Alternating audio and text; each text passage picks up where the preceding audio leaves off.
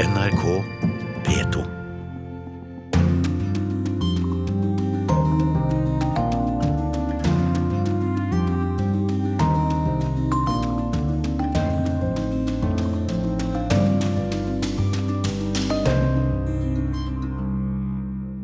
Spent i Venezuela framfor folkeavstemminga på søndag.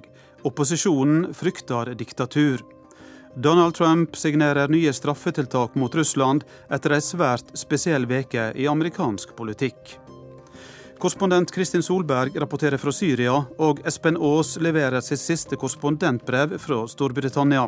Stikkord i sendinga er også ytringsfridom og situasjonen for Al-Jazeera, og vi snakker med Espen Barth Eide, som avslutter sitt oppdrag som spesialutsending på Kypros. Dette er Urix på lørdag, her i studio Eivind Molde. I Venezuela er situasjonen svært dramatisk framfor folkeavstemminga i morgen. Politiet går brutalt fram mot de som trasser demonstrasjonsforbudet, og åtte mennesker er drepne de siste dagene.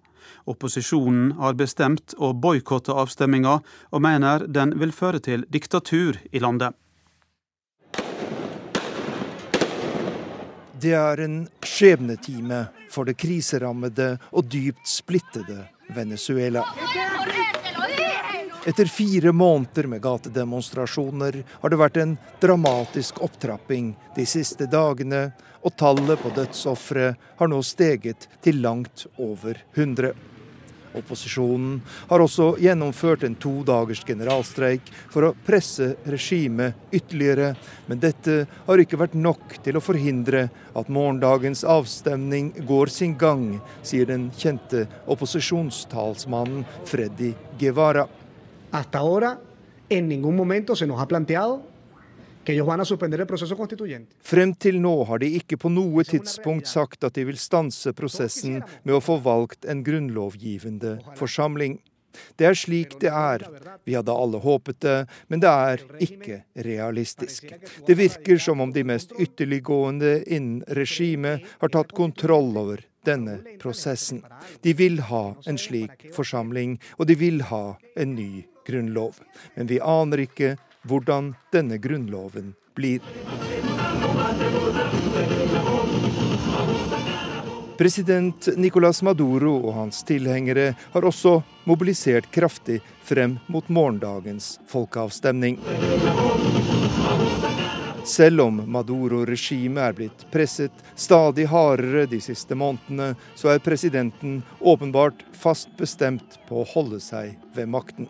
Han har avvist alle forslag om nyvalg til presidentstillingen, og han har gjort det umulig for det opposisjonsdominerte parlamentet å gjøre sitt arbeid. Nå har han følgende budskap til opposisjonen. Jeg a la oposición política venezolana jeg oppfordrer opposisjonen til å gi opp sin opprørske linje og til å samarbeide etter at helgens avstemning er avviklet. Vi ønsker forhandlinger og forsoning her i fedrelandet vårt, sier presidenten. Og han avviser på det sterkeste utenlandsk innblanding i Venezuela, spesielt trusselen fra USAs president Donald Trump om å innføre økonomiske straffetiltak mot landet al emperador Donald Trump. Le tenemos preparado. For keiser Donald Trump har vi forberedt en overraskelse. Folkeavstemningen om en grunnlovgivende forsamling skal bli en lekse i uavhengighet for imperialister og andre som blander seg inn i våre saker, sier Nicolas Maduro. Morgendagens folkeavstemning i Venezuela er en besynderlig forestilling. En tredel av representantene i den nye grunnlovsforsamlingen er i praksis utpekt av regimet, og de resterende skal velges etter et opplegg som gir myndighetene store muligheter til juks og manipulering. Det er bl.a. blitt kjent at offentlig ansatte er truet med å få sparken dersom de ikke stemmer slik regimet ønsker. Måtte Gud hjelpe oss slik at denne avstemningen blir avlyst, sier velgeren Iris Rodriguez i Caracas. Ikke alle har forstått at denne grunnlovsforsamlingen vil ødelegge mange menneskers liv og få enda flere til å forlate landet. Det regjeringen driver med nå, vil føre til krig, til borgerkrig her i Venezuela. Og det er jo fryktelig å tenke på nå i det 21. århundret sier hun. Og velgerne i Caracas er ikke alene om å frykte det verste for Venezuela. USA og andre land har bedt familiene til ambassadeansatte i Caracas om å forlate landet. Den økonomiske krisa blir stadig dypere, med akutt mangel på mat, medisiner og forbruksvarer. Og opposisjonen er nå fast bestemt på å sette hardt mot hardt denne skjebnehelgen i Venezuela.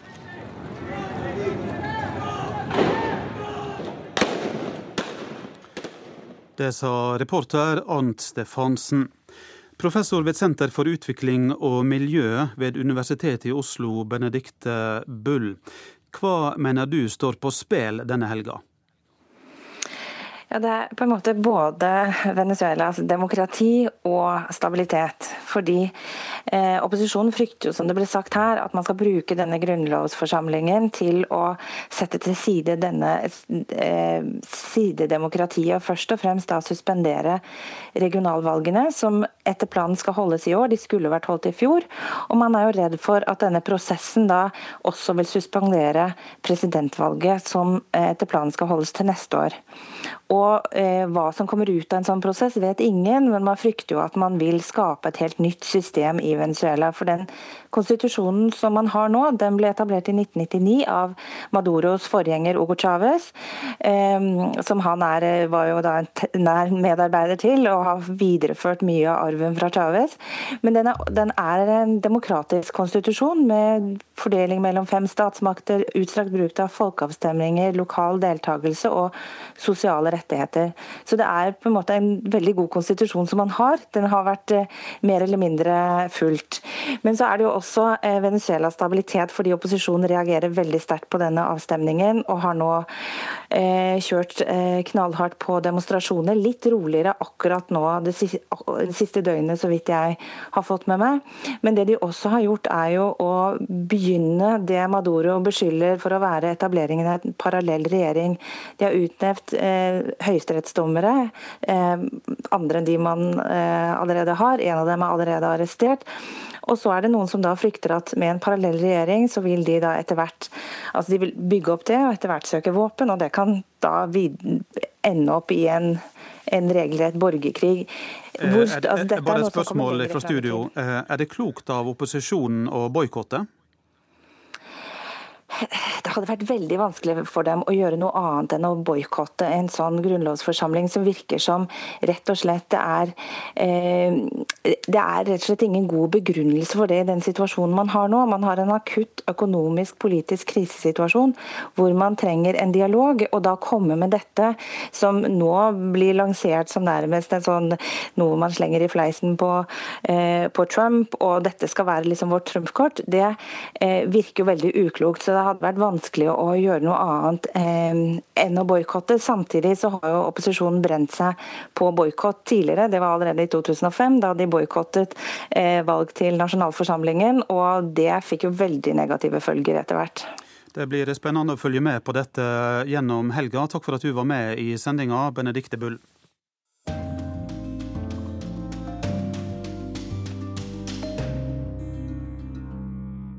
Den amerikanske presidenten Donald Trump godkjenner de nye sanksjonene mot Russland som Kongressen vedtok natt til i går. Det går fram av ei pressemelding fra Det hvite hus. Korrespondent eh, Morten Jentoft i Moskva, de første reaksjonene fra Russland kom jo i går. Men hva sier Kreml eh, i dag, når det nå er klart at Trump signerer?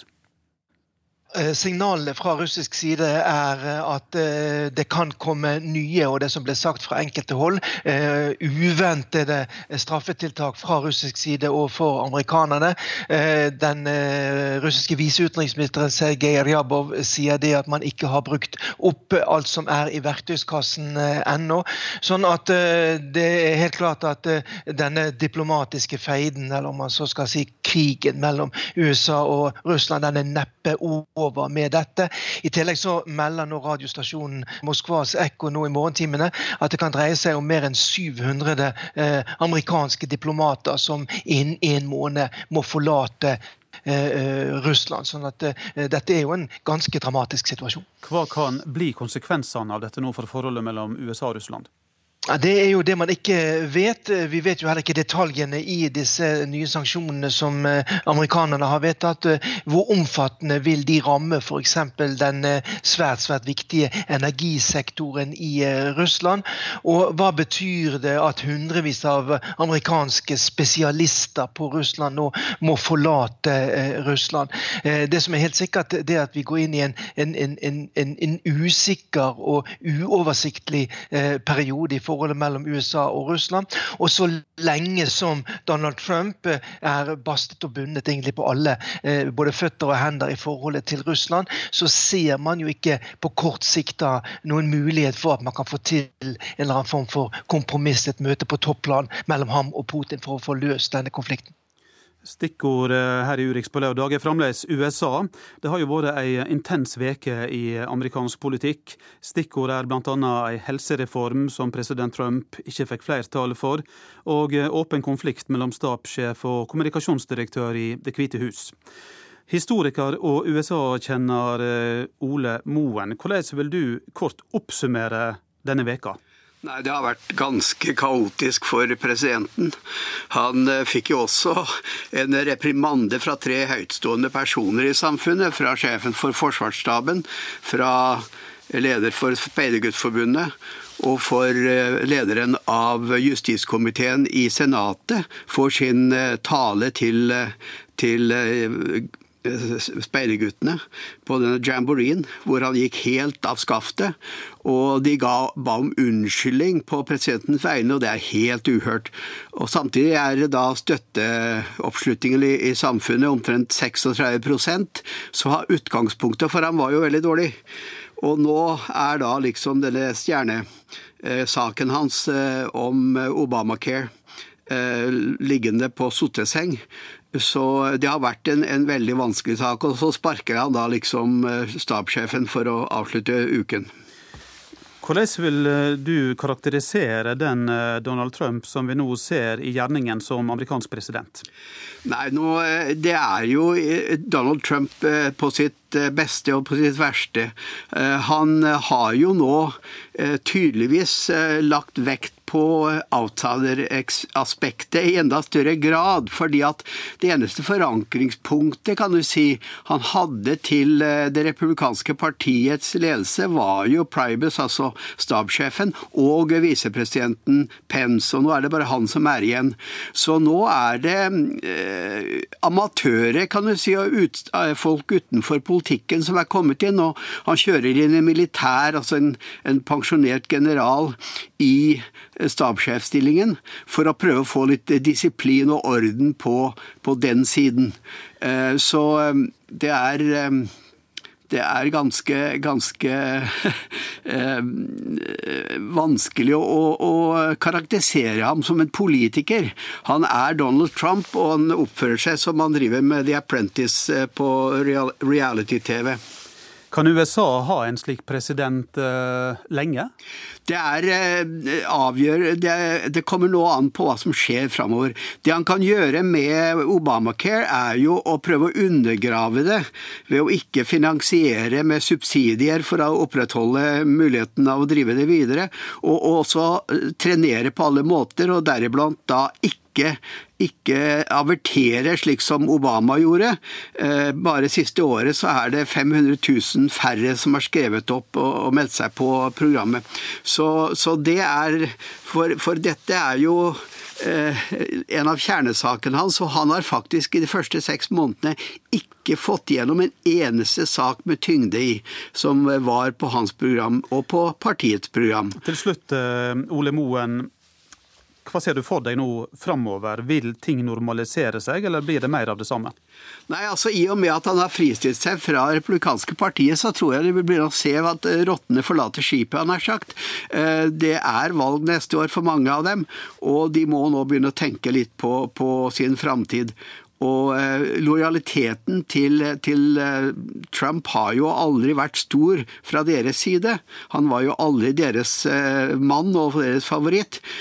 Og det er der, tror jeg, vi vil se om da man er villig til å gå i møte med demokratene eh, i større grad om lovgivning, særlig på helsefronten, og ellers å, å gå på tvers av presidenten. Vi ser jo nå at presidenten måtte signere denne eh, russlandsboikotten, nær sagt, og, og, og, det er jo tegn på at han har, han har mistet grepet. Det er, ikke, det, er ikke sam, det er ikke samtale mellom eh, Kongressen og presidenten lenger. Takk skal du ha, Ole Moen, for at du var med i Urix på lørdag.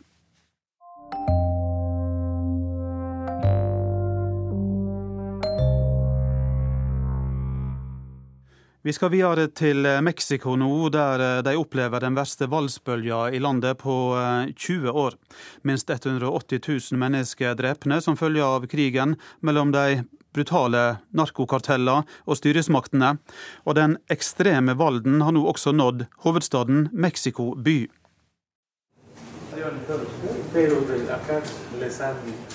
Gulvet er dekket av blod. To plastkopper ligger midt i blodpølen under en stol. Dette er bilder fra nyhetsbyrået Reuters fra et bolighus i Mexicos hovedstad. Her ble åtte personer nylig skutt og drept av den meksikanske marinen. Ifølge myndighetene ble en patrulje angrepet av menn fra en kriminell bande som drev med narkohandel, utpressing, drap og kidnappinger.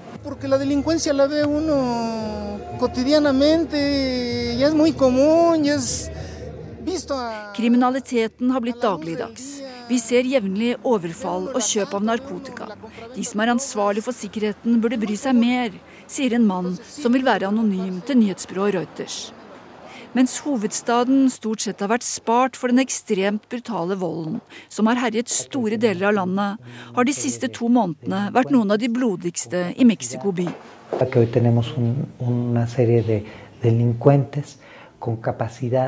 Vi har en rekke kriminelle som er i stand til å få makt over et helt samfunn, sier sikkerhetseksperten Francisco Rivas.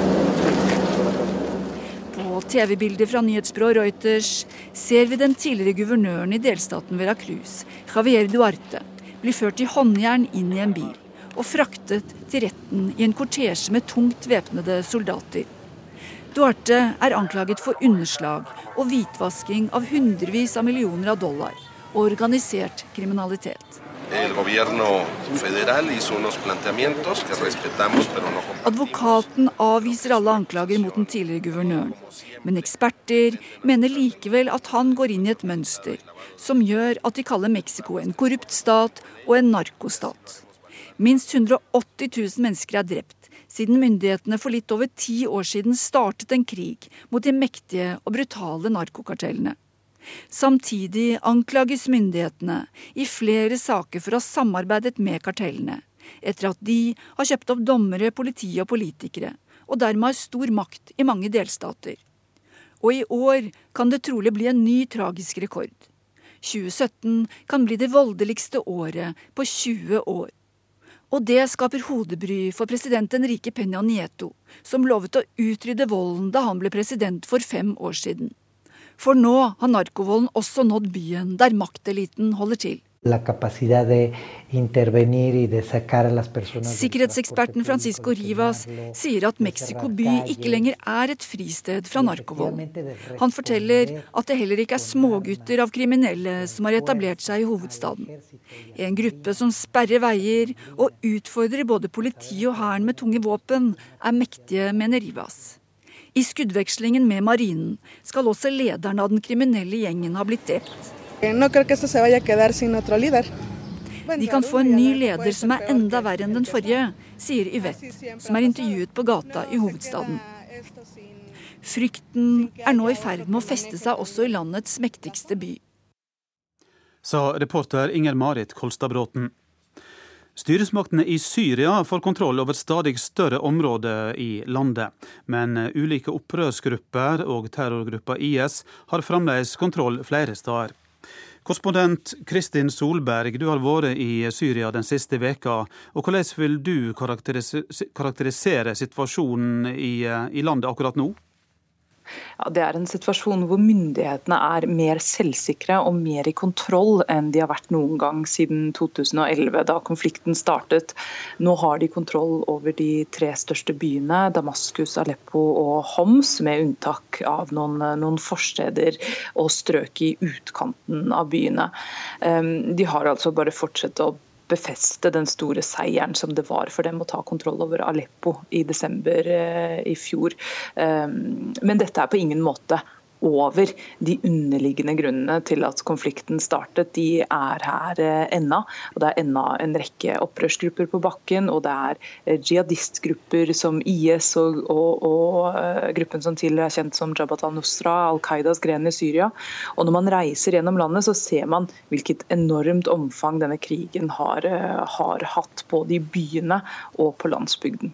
Ja, Vi har jo også nærmest et lappeteppe av ulike grupper. Du nevnte det jo akkurat. Og hvordan er da utsiktene til eh, varig fred? Dessverre er ikke de veldig gode, i hvert fall ikke fred i positiv eh, forstand, som også inkluderer frihet fra undertrykkelse. Myndighetene ser ut til å ønske å vinne dette militært med lokale avtaler eh, på bakken, og der har de hatt nok nokså god fremgang, det må sies. Eh, men på et eller annet tidspunkt så vil nok også de trenge en mer omfattende politisk eh, avtale, selv om de nok ser for seg en politisk avtale som er mindre omfattende enn den Genéve-prosessen som pågår. Da krigen raser som verst, den har jo vart i, i rundt seks år, så hørte vi daglig nesten dramatiske rapporter fra bl.a. Homs og Aleppo. Hvordan er dagliglivet i disse byene nå? Kamphandlingene er stort sett over, i hvert fall i selve byene. Ehm, for innbyggerne her i Aleppo, hvor jeg er nå, så begynner det å gå mer tilbake til normalen igjen, sier de. Ehm, I går så var det fredag og helligdag her, og da snakket jeg med familier ved bassengkanten her i Aleppo, og barn som sa i flere år har vi ikke kunnet komme hit og svømme fordi det var fare for eh, raketter og skarpskyttere, men nå er vi endelig her eh, igjen. Men samtidig Samtidig så er ødeleggelsene enorme. Eh, mange familier har ikke mulighet til å vende tilbake til eh, husene sine fordi de ligger i ruiner. Økonomien, helsevesenet, infrastruktur, alt er eh, rammet. Her på hotellet hvor jeg bor, så går strømmen av og på, slik den har gjort gjennom hele krigen. Så har vi også den tapende part her i Aleppo, alle dem som støtter støttet eh, opprørerne. Eh, flere er evakuert ut av byen eh, og ble det da opprørerne, opprørerne mistet kontrollen. Eller så tier de nå stille om, om, hvem de støttet i krigen. Og For dem så er jo dette på ingen måte, måte over. Men samtidig så er det som en kvinne jeg snakket med her sa, vi i Aleppo bryr oss ikke så mye om akkurat hvem som styrer. Vi vil bare ha fred, for dette har vart så lenge og det er så mange som er blitt drept.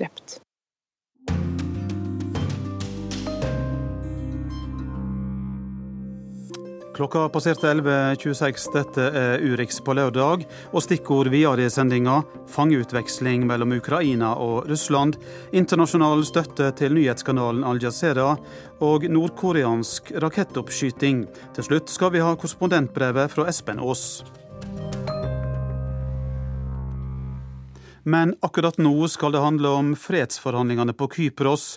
Og vi går aller først tilbake til 2014, da Espen Barth Eide tok over som FNs spesialutsending. Akkurat nå har vi en, det vi kan kalle en liten krise innenfor det store Kypros-problemet. Nyutnevnt Barth Eide har gått i skytteltrafikk mellom den tyrkisk-okkuperte delen nord på Kypros og den greske. Det skulle vært de første forhandlingene på halvannet år om å gjenforene øya. Men en krangel om leteboring etter gass sluknet forsøket. Han er den 25. spesialutsendingen som prøver seg på Kypros. Men her er forventningene lave. He was very positive and very optimistic when he arrived uh, to the island, but uh, after a while, uh, now.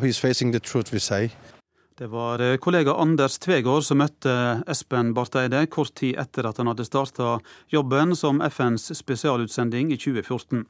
Målet har jo hele tida eh, vært å finne en løsning på konflikten mellom gresk og tyrkisk kyprioter. Kypros har vært delt mellom en, en, et gresk-kypriotisk sør og et tyrkisk-kypriotisk nord siden 1974, da Tyrkia invaderte den nordlige delen som svar på et kupp som grekerne sto i spissen for. Espen Barth Eide, du har altså vært FNs spesialutsending siden 2014. Nå kommer du hjem og skal gå inn i politikken igjen. Gir du opp? Det var hele tiden eh, klart at eh, jeg kom til å avslutte når vi nærmet oss valget i Norge, og det har jeg gjort klart for partene. Eh, men jeg må innrømme det at etter flere år med veldig vellykkede forhandlinger, som så ledet til at vi ikke lyktes i sommer da vi skulle uh, putte alle bitene av puslespillet sammen, eh, så føler jeg nok, i likhet med FNs generalsekretær, at det ikke kommer til å skje noe i veldig nær fremtid. Så nå er min jobb egentlig mest å avslutte min del av dette arbeidet og gi en eh, helhetlig rapport om hvor vi står til Sikkerhetsrådet og til generalsekretæren, og for å legge grunnlaget for eventuelle nye forsøk hvis det noen gang skulle bli noe av i fremtiden. Hvordan vil du beskrive situasjonen hvis du skal karakterisere slik du opplever det nå? Etter eh, at eh, dette er over, for de side? Det som jo er eh, en spesiell utfordring nå, var at de siste to årene, egentlig siden mai 2015 og sammenhengende frem til juli 2017, altså nå nettopp, så har vi hatt de kanskje mest lovende forhandlingene noensinne. Det er ikke bare noe jeg sier, men det er noe også partene selv mener, og de aller fleste observatører er enige om. At de kom lenger enn ved noe tidligere forsøk. Det var jo i og for seg en bra nyhet som gjorde at vi hadde store forhåpninger til den internasjonale Kypros-konferansen som nettopp ble avsluttet i Sveits. Men, men, det betyr jo også at når to ledere som begge i hvert fall sa at de var sterkt tilhengere av en løsning, og med den internasjonale støtten de hadde, ikke klarte det, så er jo mange desto mer nedstemt. For de føler at eh, hva er det da som vil gjøre at dette noen gang blir løst, og vil det noen gang bli løst, eller er det rett og slett bedre å tenke langs alternative retninger?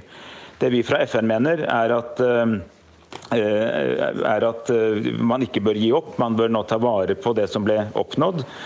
Og man bør forsøke å og, og, samle alt det stoffet som ble, nå ble skapt, slik at man har mulighet for fremtidig, eh, ny, en, en, fremtidig ny sjanse.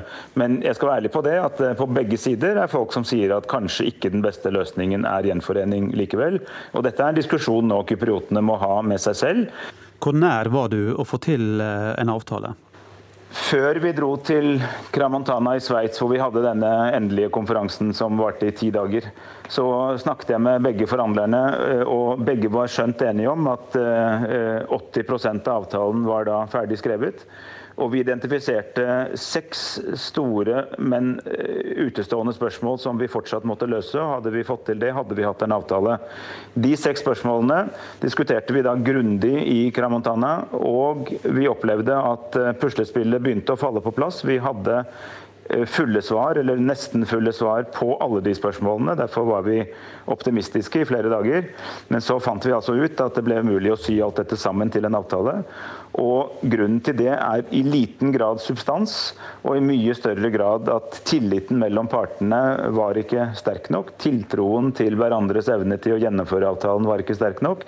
Og klimaet eh, hadde altså paradoksalt nok blitt dårligere, eh, samtidig som substansen ble mer og mer avklart. Og Det gjorde at generalsekretær Guterres, som, eh, som leder konferansen, eh, på siste dag sa at han så ikke eh, et grunnlag for en avtale nå, og at det er bedre at partene har en, en refleksjonsperiode på hva de egentlig vil. og Det er den perioden de er inne i nå. Hvor sterk støtte opplever du at du har hatt i arbeidet ditt på Kypros? Jeg har jo vært en av de FN-utsendingene som har hatt aller tydeligst støtte fra FNs sikkerhetsråd. fordi I motsetning til de aller fleste av mine kolleger som driver med konflikter hvor Sikkerhetsrådet er dypt splittet, har jo jeg hatt den fordelen at jeg har hatt et samlet sikkerhetsråd bak meg. Så sent som i går så vedtok Sikkerhetsrådet en resolusjon som var veldig konstruktiv og positiv fra mitt side. Alle sammen, 15 mot 0, stemte for den. Eh, støttet arbeidet slik det var lagt opp, og oppfordret partene til ikke å gi opp, og også til å ha denne refleksjonsperioden. I tillegg har vi jobbet meget nært med EU, med EU-kommisjonen, med Den europeiske sentralbanken, med Verdens pengefond, eh, Verdensbanken og en rekke andre finansielle institusjoner for å legge grunnlaget for å støtte den mer økonomiske siden av gjenforeningen. Så Kypriotene, og jeg har sagt det til dem flere ganger, de har altså en unikt eh, høy grad av internasjonal støtte. Men likevel er det de som må bestemme seg. Det er deres land. Vi kan ikke ville fred med, mer enn de vil selv. Og det er altså der problemet nå ligger. Dette problemet ble ikke skapt av omverdenen. Det ble skapt, altså ble skapt av omverdenen i historisk tid, men nå er det på Kypros nøkkelen ligger. Espen Barth Eide, som altså nå avslutter oppdraget på Kypros.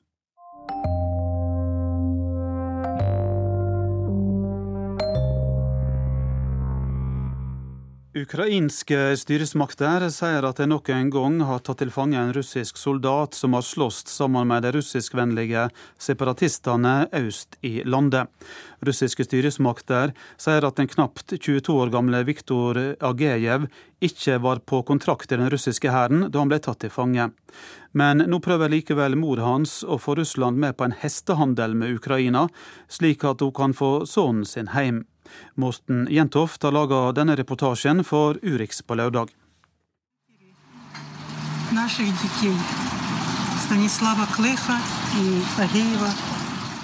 Det sitter to kvinner og snakker sammen på en utekafé i den ukrainske hovedstaden Kiev.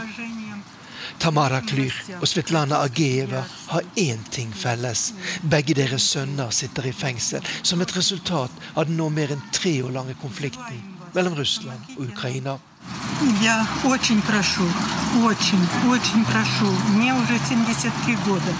Jeg ber deg, president Vladimir Putin, å benåde og sette fri min sønn. Jeg er selv over 70 år, og min sønn er syk, sier Tamara Klyr, mens hun holder Svetlana i hånden. Begge kvinnene må flere ganger stoppe opp i sin fortelling, og tårene triller. De to viser at konflikten i Ukraina har langt flere offer enn de som skjer på selve slagmarken.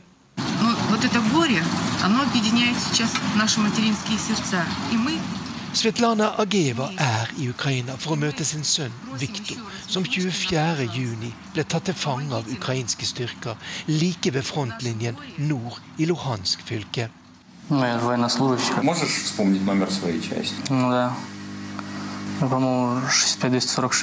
Ukrainsk TV var raskt ute med en reportasje om at igjen hadde det ukrainske forsvaret klart å ta til fange en russisk soldat, som til og med kunne opplyse i hvilken avdeling han hadde underskrevet kontrakt. Han hadde med seg både sitt russiske pass, som viste at han kom fra Altai-området i Sibir, og sin vernepliktsbok. Han hadde kommet til Luhansk i den separatistkontrollerte folkerepublikken Luhansk via Rostov-fylket over grensen i Russland, slik som de fleste av de russiske såkalte frivillige som har slåss i separatistenes rekker etter at opprøret mot den nye vestvennlige regjeringen i Kiev begynte våren 2014. Viktor Agev sa i forhøret med det ukrainske sikkerhetspolitiet at han hadde underskrevet en kontrakt før han dro over grensen til Folkerepublikken. Men russiske myndigheter var raskt ute med å si at de ikke kjente til at han hadde skrevet noen kontrakt med dem. Dermed fraskriver russiske myndigheter seg ansvaret for Viktor Agejev, slik de har gjort med alle russiske statsborgere som er tatt til fange av de ukrainske styrkene. Наконец вы встретились. Мы, мы с вами приехали сегодня в Старобельск, в СИЗО. Вы увидели сына Виктора. Den russiske journalisten Pavel Kanugin fra avisen Novaja Gazeta, som kanskje er den i dag som har best kontakt på begge sider av frontlinjen i Donbas, hentet i midten av juli Svetlana Ageva fra Sibir og tok henne med til Starobilsk, i den delen av Luhansk fylke som ukrainske myndigheter har kontroll. Der sitter hennes sønn Viktor i fengsel, mens han venter på en rettssak som kan gi ham fra 15 til 20 år i fengsel for terrorisme.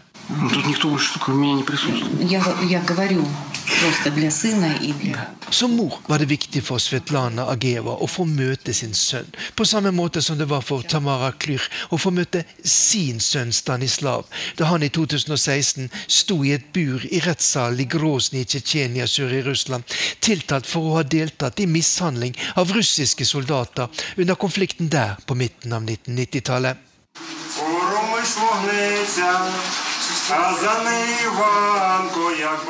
Under rettssaken var det klart for alle at Stanislav ikke lenger var en frisk mann. Han sang og leste dikt, mens dommeren kunngjorde at han var dømt til 20 år i fengsel. Russiske myndigheter har nektet uavhengig medisinsk ekspertise å undersøke ham. Dermed er både Stanislav og nå Viktor Agev blitt en del av et stort politisk spill, der kanskje så mange som flere hundre personer sitter i fengsel, de fleste som en direkte følge av krigen i Donbass øst i Ukraina Fra ukrainske myndigheter er frigiving av fangene satt som en absolutt forutsetning for å få i gang igjen fredsprosessen. Og nå har de altså et godt kort på hånden, i og med at de har en russisk soldat og statsborger som sin fange. Vladimir Vladimirovich, это в ваших силах.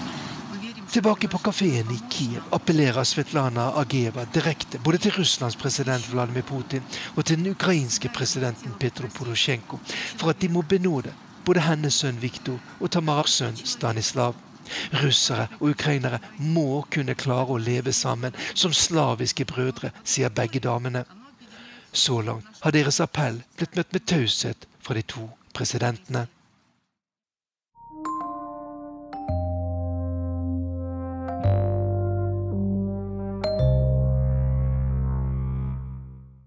This is Al Jazeera.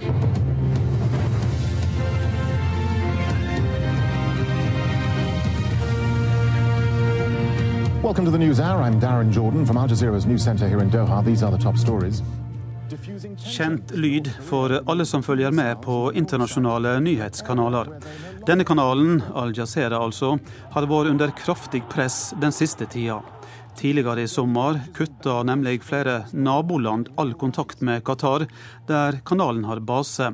De mener Qatar støtter terrorister. Og et av kravene for å reparere forholdet var at Al-Jazeera måtte legges ned.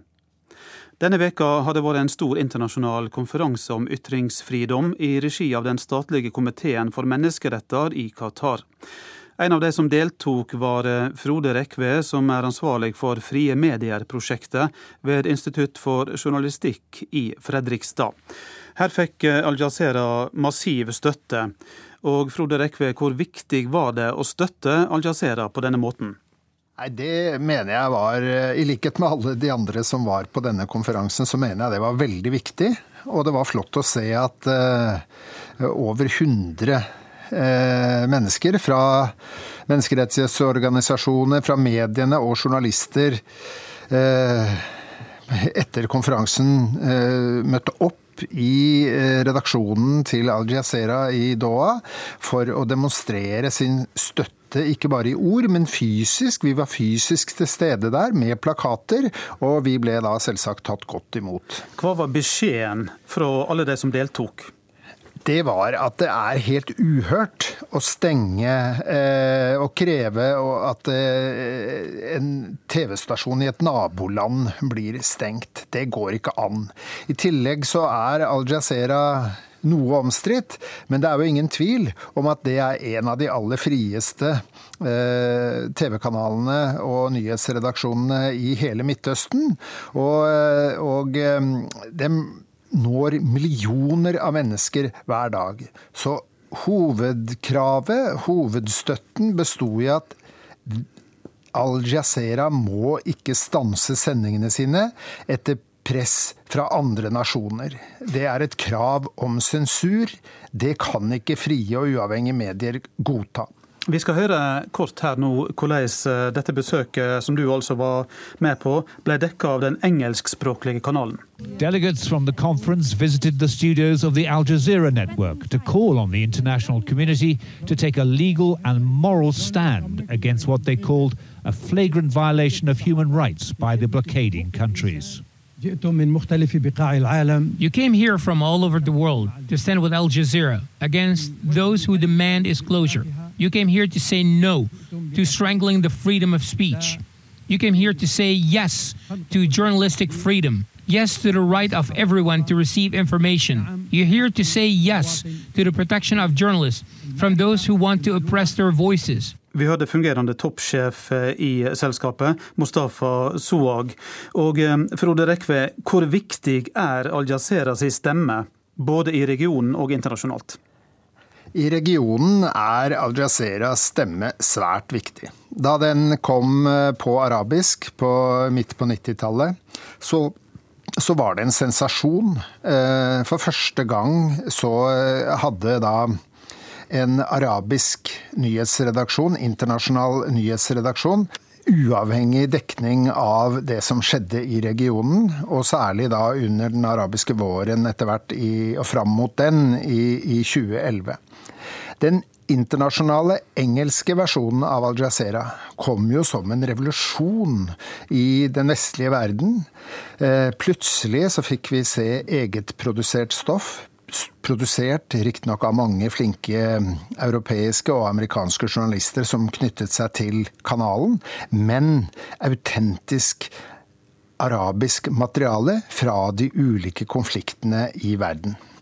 Du har ansvar for um, Frie medier-prosjektet ved Institutt for journalistikk og kjenner situasjonen godt internasjonalt. Hvordan er situasjonen nå uh, vil du si, for medieselskapene i Midtøsten?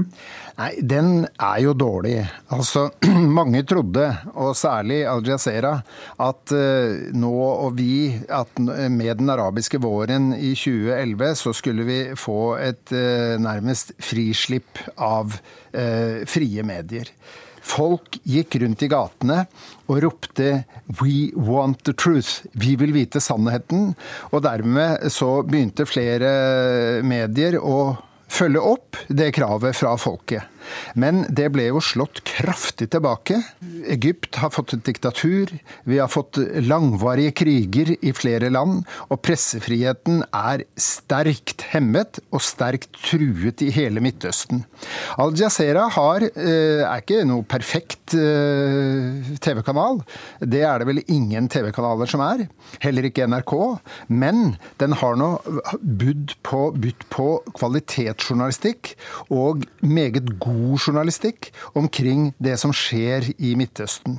Man kan ikke forstå Midtøsten utenfra ved bare å se på Al Jazeera, men den er en uhyre viktig stemme i Midtøsten. Og det ville være en eh, forferdelig brudd på menneskerettighetene og ytringsfriheten hvis den ble stengt.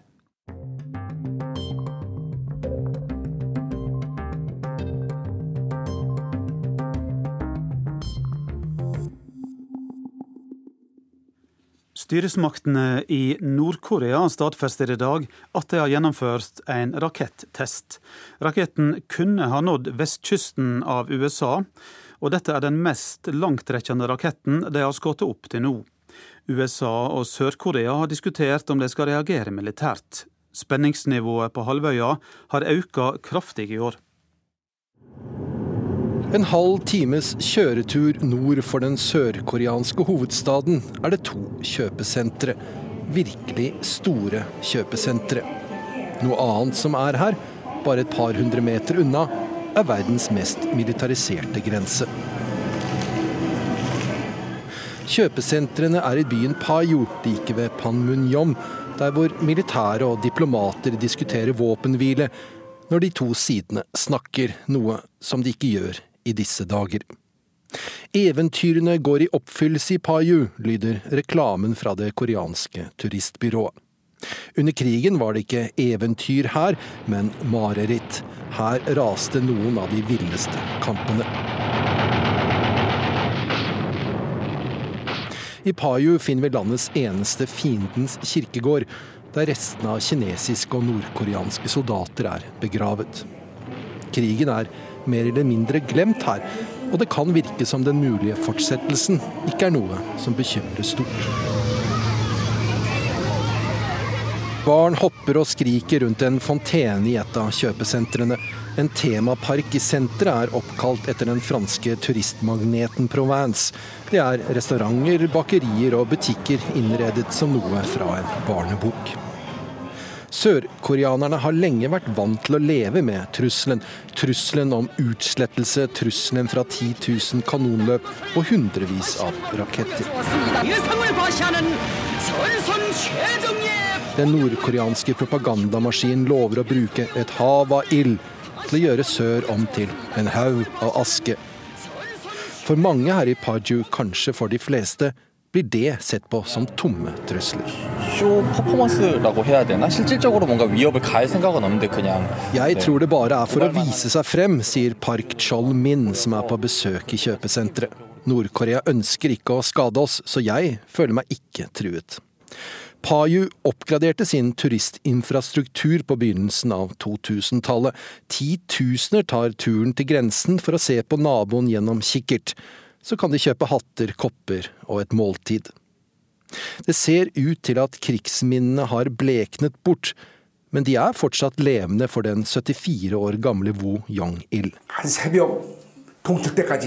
Hele natten kom det rifleskudd, slaget raste rett over oss, forteller Wu. Jeg blei redd, derfor bygde jeg denne bunkeren. Han viser frem vannflaskene han har stående. Bunkeren begynte han å arbeide med etter at konflikten ble usedvanlig varm på begynnelsen av 1970-tallet. Her vil jeg være i sikkerhet, sier Vo. Bunkeren beskytter oss mot vanlig rifleild, så jeg føler meg trygg. De militære lederne på alle sider av denne langvarige konflikten planlegger for at det skal bryte ut full krig igjen. Men som det kan se ut fra holdningene i sivilbefolkningen, er det ikke mange som tror det vil skje. Mest fordi det ville være en komplett katastrofe for alle. Det sa reporter Halvard Sandberg.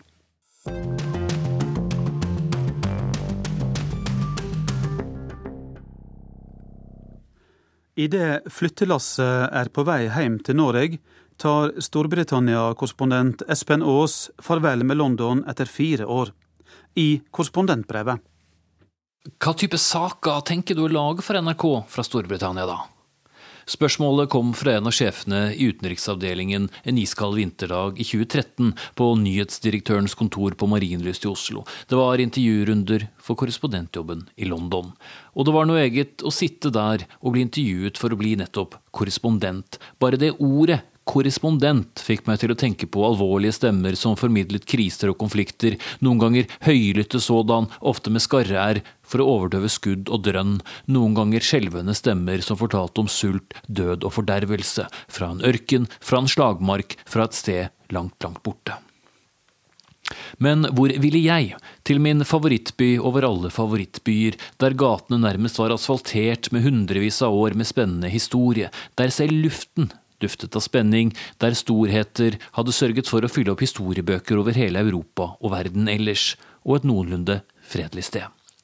En by, et land med fire nasjoner med over 60 millioner individuelle fortellinger, fortellinger jeg gjerne ville høre og fortelle videre. Bare jeg kunne få den jobben, jeg tagg nærmest om å få den, og lovet så overbevisende jeg kunne at ingen, ingen annen søker ønsket seg den mer enn meg, og slik ble det. Jeg sa under intervjuet at jeg kom til å dekke folkeavstemningen om Skottlands selvstendighet i 2014. Jeg visste det ville komme et parlamentsvalg i 2015, men ellers var jeg mest interessert i alt det andre, de uplanlagte nyhetene som bare kommer der og da. Jeg hadde også lagt til at jeg nok kanskje måtte dekke bortgangen til dronning Elisabeth 2., hun hadde jo holdt på en stund. Jeg fikk rett i mye.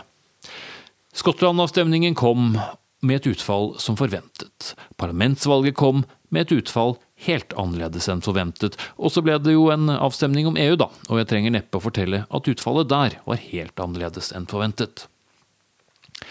Av de flere tusen små og store rapportene jeg har sendt hjem til Norge disse fire årene, forekommer ordene EU og brexit så ofte at jeg trolig kunne sikret pensjonene for meg og flere generasjoner etterkommere dersom jeg hadde fått stykkpris for dem. Som alle korrespondenter måtte jeg gå sikkerhetskurs og lære hva jeg skulle gjøre i en krig, under en kidnapping eller hvis noen ble alvorlig skadet. Jeg dro hjem overbevist om at dette var noe andre korrespondenter fikk mer bruk for enn meg.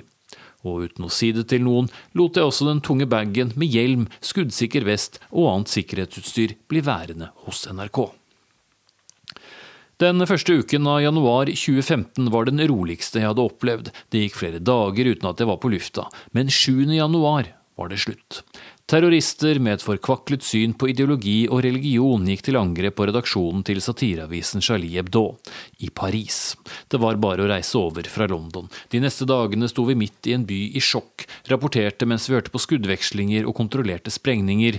Det skulle bli enda et Paris-besøk, og også et i Brussel, begge på grunn av terror. I år kom også terroren hit, til min by, til mitt andre hjemland, og det kom mye på kort tid. Westminster-broen, Manchester Arena, London Bridge og utenfor moskeen i Finsbury Park. Feige mennesker med forkvaklede ideologier gikk igjen til angrep på uskyldige mennesker. Her, mot mine folk! Det føltes enda verre.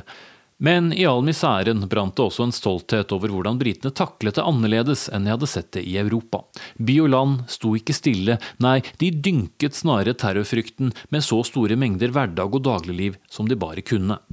De sto om mulig enda mer i kø, inn og ut av stasjoner, de helte nedpå tekopp etter tekopp, klaget enda mer på det uforutsigbare været, dro på fotballkamper og helte innpå sine pints med dovent godt øl og snublet hjem igjen etterpå.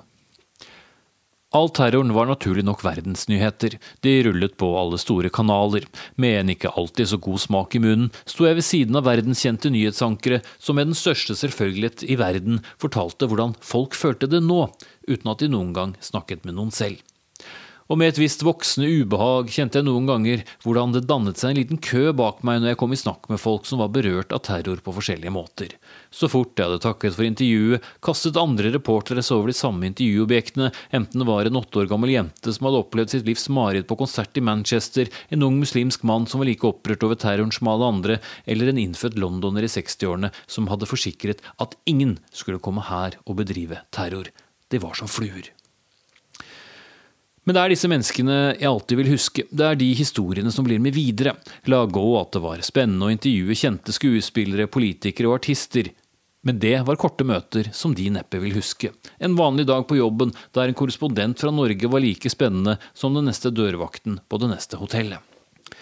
Det var noe annerledes med de hundrevis av menneskene som gjerne snakket med en nordmann om hva de tenkte om valg, løsrivelse, EU, terror og annet. Som han pensjonisten hvis hus var blitt ødelagt av flom, men som likevel inviterte oss inn mens han beklaget alt rotet. Eller sjåormjegeren ved Loch Ness som fortsatt kjempet bittert for skotsk uavhengighet. Kona til gruvearbeideren i Nord-England som gråt da hun mintes hvor hardt de hadde hatt det under de siste gruvearbeiderstreikene på tidlig 1980-tall. Denne narkomane uteliggeren som samlet sneiper på gaten i Londons finansstrøk, hvor de som hadde røkt sigarettene, tjente mer om dagen enn hun klarte å tigge til seg på en måned. Innbyggerne i den lille landsbyen øst for London som nektet å ha gatelys slik at de kunne nyte stjernehimmelen. Det er de som utgjør Storbritannia, det er de som betaler skatt, det er de som handler i butikken, det er de som passer på nabolaget, følger med på at hverdagen er hverdag. Det er de som bestemmer hvem som skal få bli parlamentsmedlem, om det skal bli en løsrivelse, om landet skal få bli i EU. Det er de som reiser seg for gravide og gamle på bussen, det er de som spør om du trenger hjelp med en tung koffert eller sekk, det er de som uredd gyver løs på knivviftende terrorister for å redde andre mennesker. Men det er også de som får kjenne det mest på kroppen når ting ikke går så godt. Ja, det er de som ikke har hatt en lønnsøkning på mange år pga. budsjettinnstramninger i det offentlige etter finanskrisen. Det er de som får mindre å rutte med fordi pundet har falt i verdi etter EU-avstemningen og gjort mat og klær dyrere. Og det er de som ikke blir hørt når de forsøker si fra om at noe er galt. En av de siste store nyhetssakene jeg dekket her i London, var brannen i Grenfell Tower. Den 24-etasjes høye boligblokken i Londons rikeste bydel. En bydel der utenlandske investorer har kjøpt opp mange titalls flotte hus bare for å plassere pengene i noe trygt, uten at noen bor i husene. En 24-etasjers boligblokk der de som aldri hadde kjent rikdom, bodde. Det var en kommunal blokk, sosialboliger med en standard som lå langt under minstestandarden for hva som kan kalles et hjem. De bodde der, og minst 80 av dem døde der.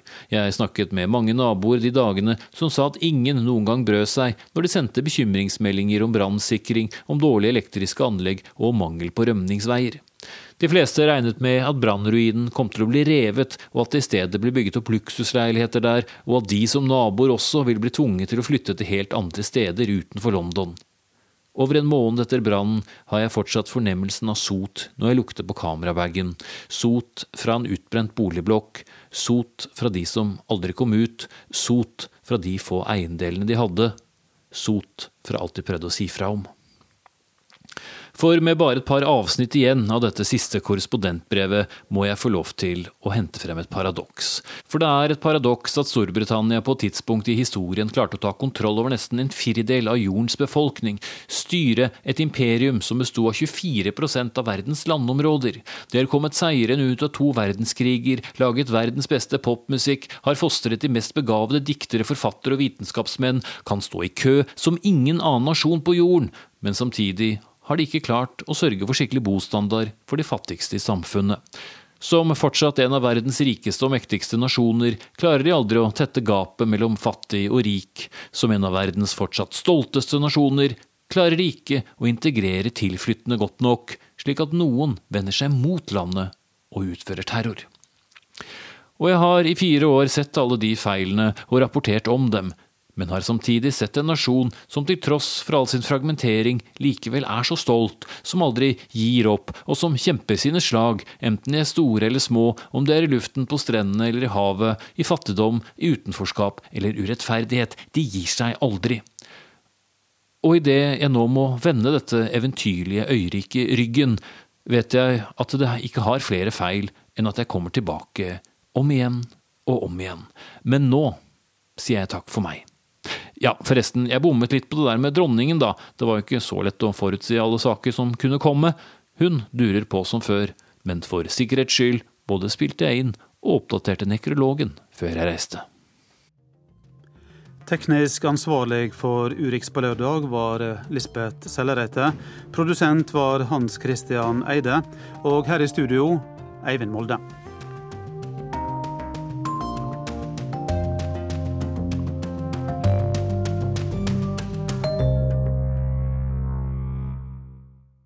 Hør flere podkaster på nrk.no podkast.